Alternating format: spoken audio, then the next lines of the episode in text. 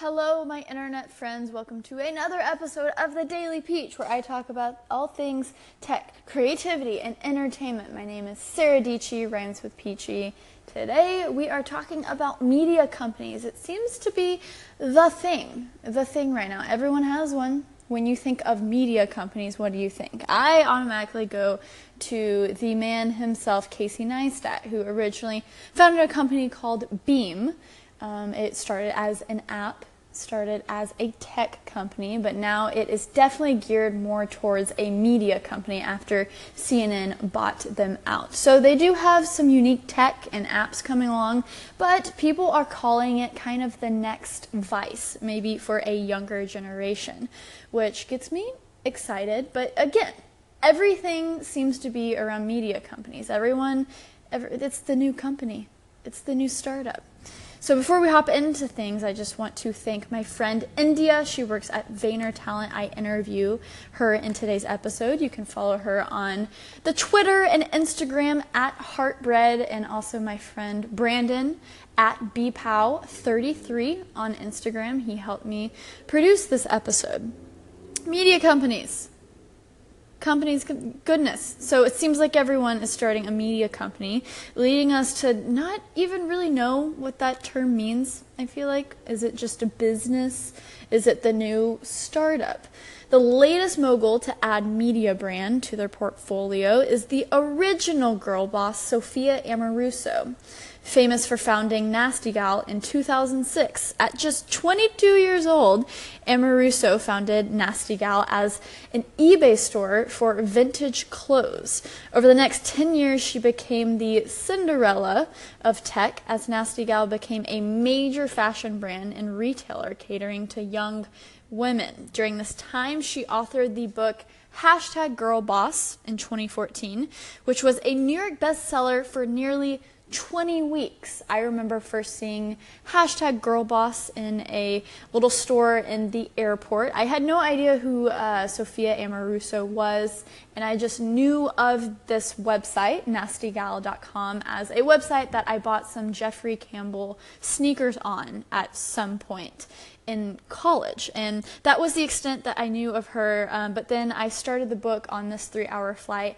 I finished it from front to back um, on the flight. It was so intriguing. It had me um, so into the book the entire time. I highly recommend it. Um, no matter what you think of Sophia Amoruso or her journey um, throughout the business world, it is insanely inspiring. And I don't read many books, and I got through that one so quickly.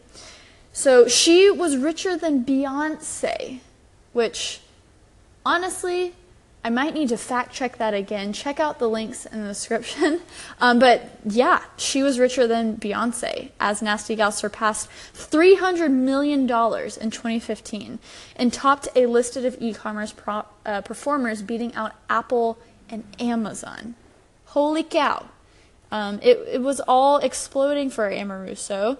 But then some trouble came after taking a series of hits from Nasty Gal's very public dip into bankruptcy, which decimated her net worth and ended in selling the brand off for just $20 million. $20 million. So they sold it to boohoo.com and then to a critically panned Netflix series based on her well known book. Amoruso appears that she's ready to bounce back. So this news first came um, to me via my Twitter feed I get all of my news via Twitter, whether it is business, whether it is political, or whether it's urgent news. I feel like Twitter is the place to be. Sophia Amoruso has raised $1.5 million in venture funding um, for a company whose goal is to create a business centered around helping a new generation of women define success through a company ecosystem that includes a publication, events, a podcast, and a foundation that awards financial grants to women in design, fashion, music, and the arts. So she's brought on some pretty impressive partners on board to fill out the Girl Boss Media leadership, including Allison Wyatt, former CRO of Goop. That it, I've never understand the company name Goop. I think it is like a very gross name, um, but that is a company headed out by Gwyneth Paltrow. Um, so Sophia Amoruso has also brought on Neha Gandhi, former SVP of Content Strategy at Refinery 29, which Refinery 29 has been crushing. Ever ever since they came on the spot as a media company I, they've been honestly crushing it. I follow them on all social medias. So i'm super excited to see how this leadership will lead out girl boss media. So Amoruso will now lead girl boss and focus on expanding the brand. She watched grow from a retailer to a book to a podcast and to a TV show. I actually watched the TV show Girl Boss and I thoroughly enjoyed it as a inspiration junkie. I thought it was fantastic and inspiring, but a lot of people gave it bad reviews for some reason. I honestly I don't I don't know why, but I just remember um, Sophia retweeting the hate on Twitter and having words about it. She's I think she's sassy, which you probably need in the business world these days, but I thoroughly enjoyed the Netflix series. So if you want kind of more behind the scenes of um, how Girl Boss came to be, I would recommend reading the book. Um, but also checking out the Netflix series. But to further dive into the subject, I have a interview with my friend India. She works at Vayner Talent, um, and she was the first person who I talked to about this um, you know, this thing happening with Sophia Amoruso and getting funding for um, this new company, Girl Boss Media. So enjoy this interview.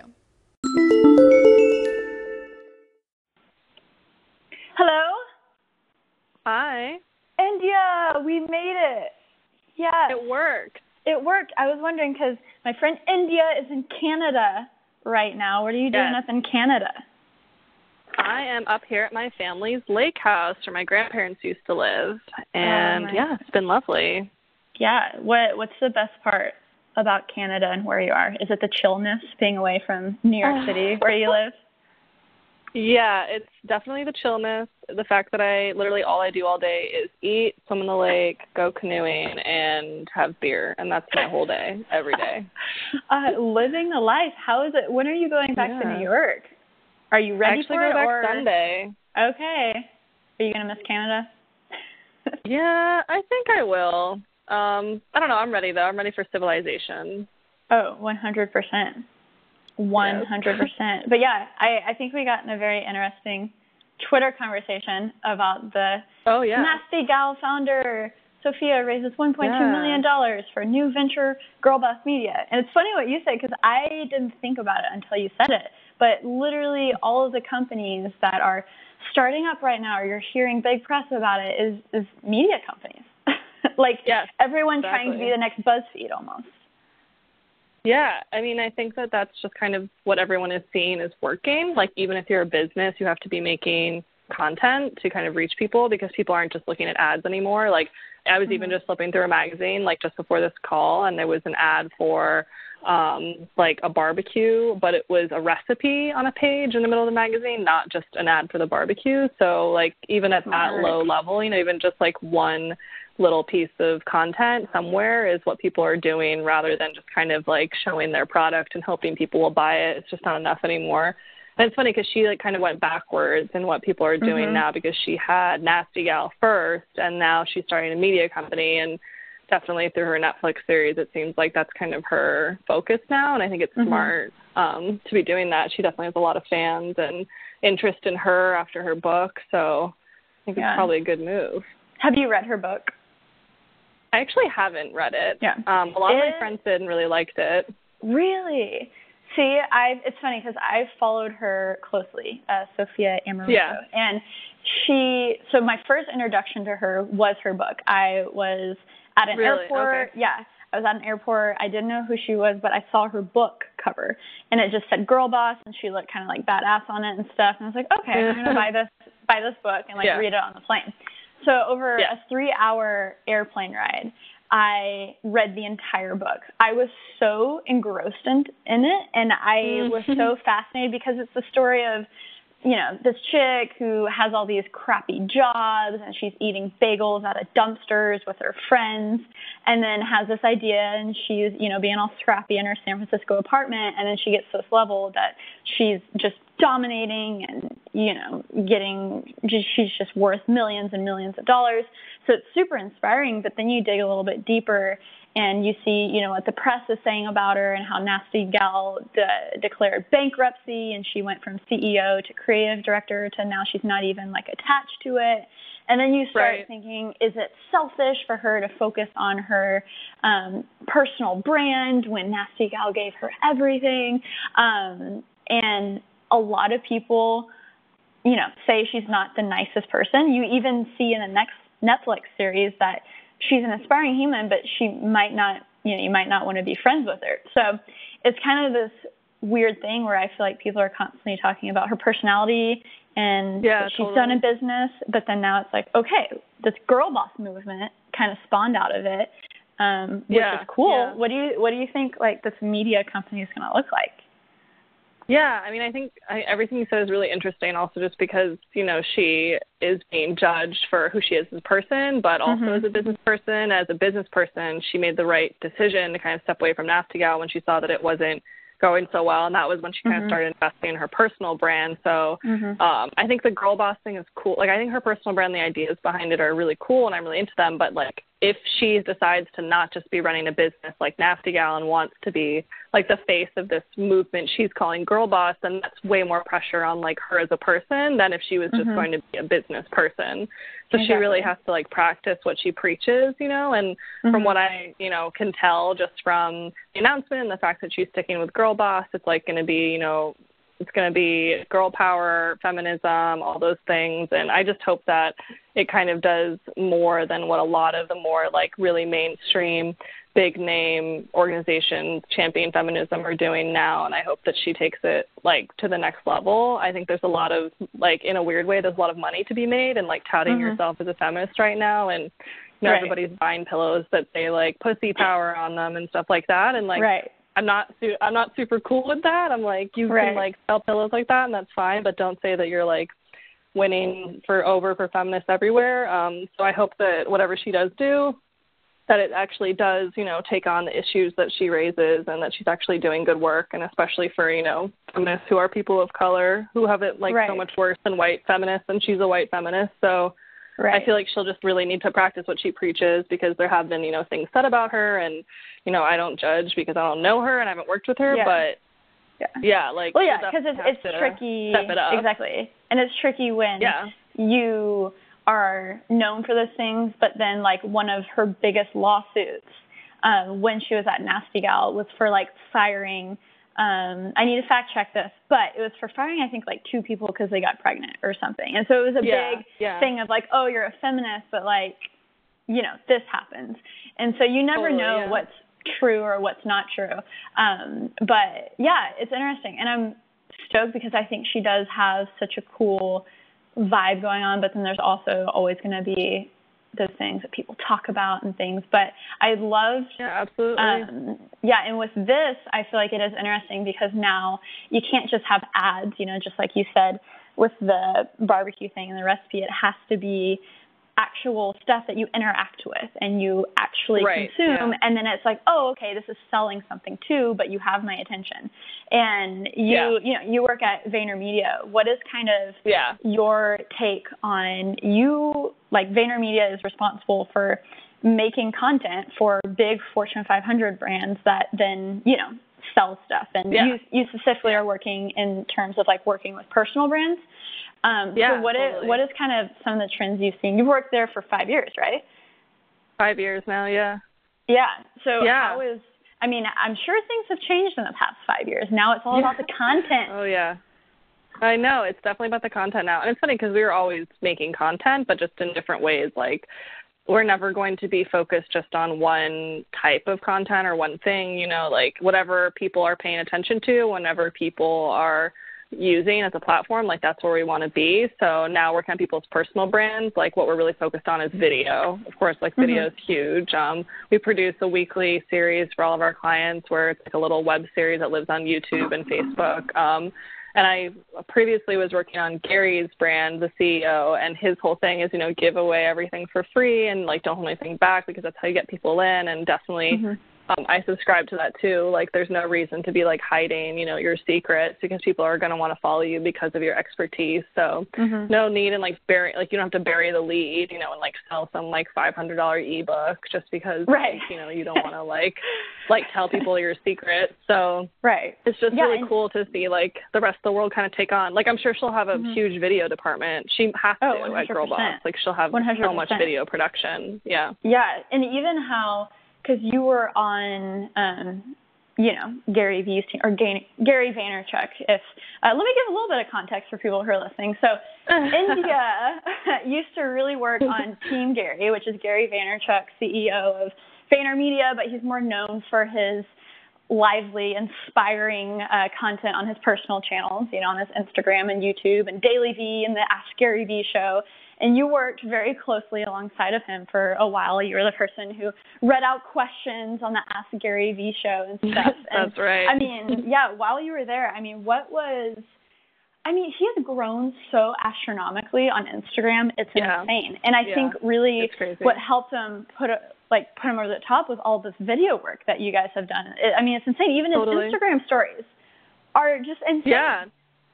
Yeah, they're crazy. And you know, I definitely owe like a lot of I feel like my thinking around this to like working on his team and working closely with him because he sees trends so well like that. And I think like the mm-hmm. video one is something he saw really early on. And I think in back in the day he was invested really heavily in Snapchat, but I'm starting to see like as I take a step back and look at the larger history of like him as a person and his brand. Like he's always been invested in video, obviously, but I think what he really liked about Snapchat was like how accessible it was as video because like up right. until like a few years ago, I feel like YouTube even was kind of like a funny world, but like now YouTube's so mainstream, like everybody uses it, everybody watches stuff on it. It's like TV, mm-hmm. but it wasn't really like that when he was doing like wine library. So I think maybe why he liked Snapchat so much was because it was this like really open video platform that a ton of people used and it was video based. And I think that he was just starting to notice like how video was uh, about to have like a huge moment. And as people started to pivot towards it, like it's totally true. Everybody is making video. Yeah. Yeah. And what's insane about Snapchat is a lot, well, almost all influencers are like Instagram stories where it's at. Snapchat doesn't care about influencers. But I think yeah. The leverage that Snapchat still has is it's still like the average Joe who is, you know, 10 to 26 is on Snapchat. It's a very friend to friend uh, platform. So even if it's not catering yeah. to the influencers, it's still such a huge platform for advertisers to stick their 10 second video in between people watching their friends' stories. So maybe it's not yeah. a place for you know, a friendly place for the influencers, but I think especially for right. brands, it's like you can't sleep on it. Yeah. And I feel like it's a good place to have like that like secret club still kind of like totally. you're saying so many like young people are still on like Instagram is so open and out there and like mm-hmm. everyone's like I can't even imagine like I don't even know why people have private profiles anymore except for like I know. your Finsta. Like, do you know that this thing is a Finsta? I heard about a Finsta like a year. I felt so old. Do you know what it is? It's like a secret Instagram account that's private. Did you know? Do you have what? one, Sarah? Do you have a Finsta? No. Yes, they're called No. Teens Do It. Yes. Really? No. Yeah, you need oh, a Finsta. you're making so, like, me feel old. I feel like you know you can have like a cool secret club on Instagram in that way, and if you're a huge influencer, like it's great to be part of that. Maybe you have a like secret account that's private and people just follow that. But like Snapchat right. really could be like because you can like really control who sees what on Snapchat a lot better. So that could be a cool play for an influencer. Like maybe the platform isn't helping you out, but like whatever. I mean, they yeah, have, you know, no, I mean on other things too. That's an interesting insight. Like use Snapchat to you know it's just like secret club. I like it, man. India, when is your ebook coming out? Yeah, uh, it's out. You can just tweet at Purchase me and I'll now. answer your question. Yeah. oh my god, I love that so much. Well, no, this has been so freaking fantastic. Enjoy your um, last few days in Canada, and I'm super Thank stoked you. to see how this Girl Boss Media thing turns out. Me. Maybe maybe you and me can collab on a piece for her. Put it put it Ah. on the girlboss.com website. I'll re I'll have my people do it. talk to Sophia's people. Oh, great, amazing! Because I definitely don't have people, so I'll let you do what is, that. What is your Instagram and Twitter? my Instagram and Twitter are the same. They're both Heartbread. That's H E A R T B R E A D. Amazing people. Go follow her. She's amazing. She's my homie from New York City. Thanks for chatting, Aww. girl. Of course. Yeah. Thanks for having me on. Yes. Okay. Talk to you later. Bye. Bye. Let me know if you enjoyed this episode. If you have thoughts, you should call into the Anchor station. If you are tuning in onto iTunes podcast, maybe you can leave a review if you want.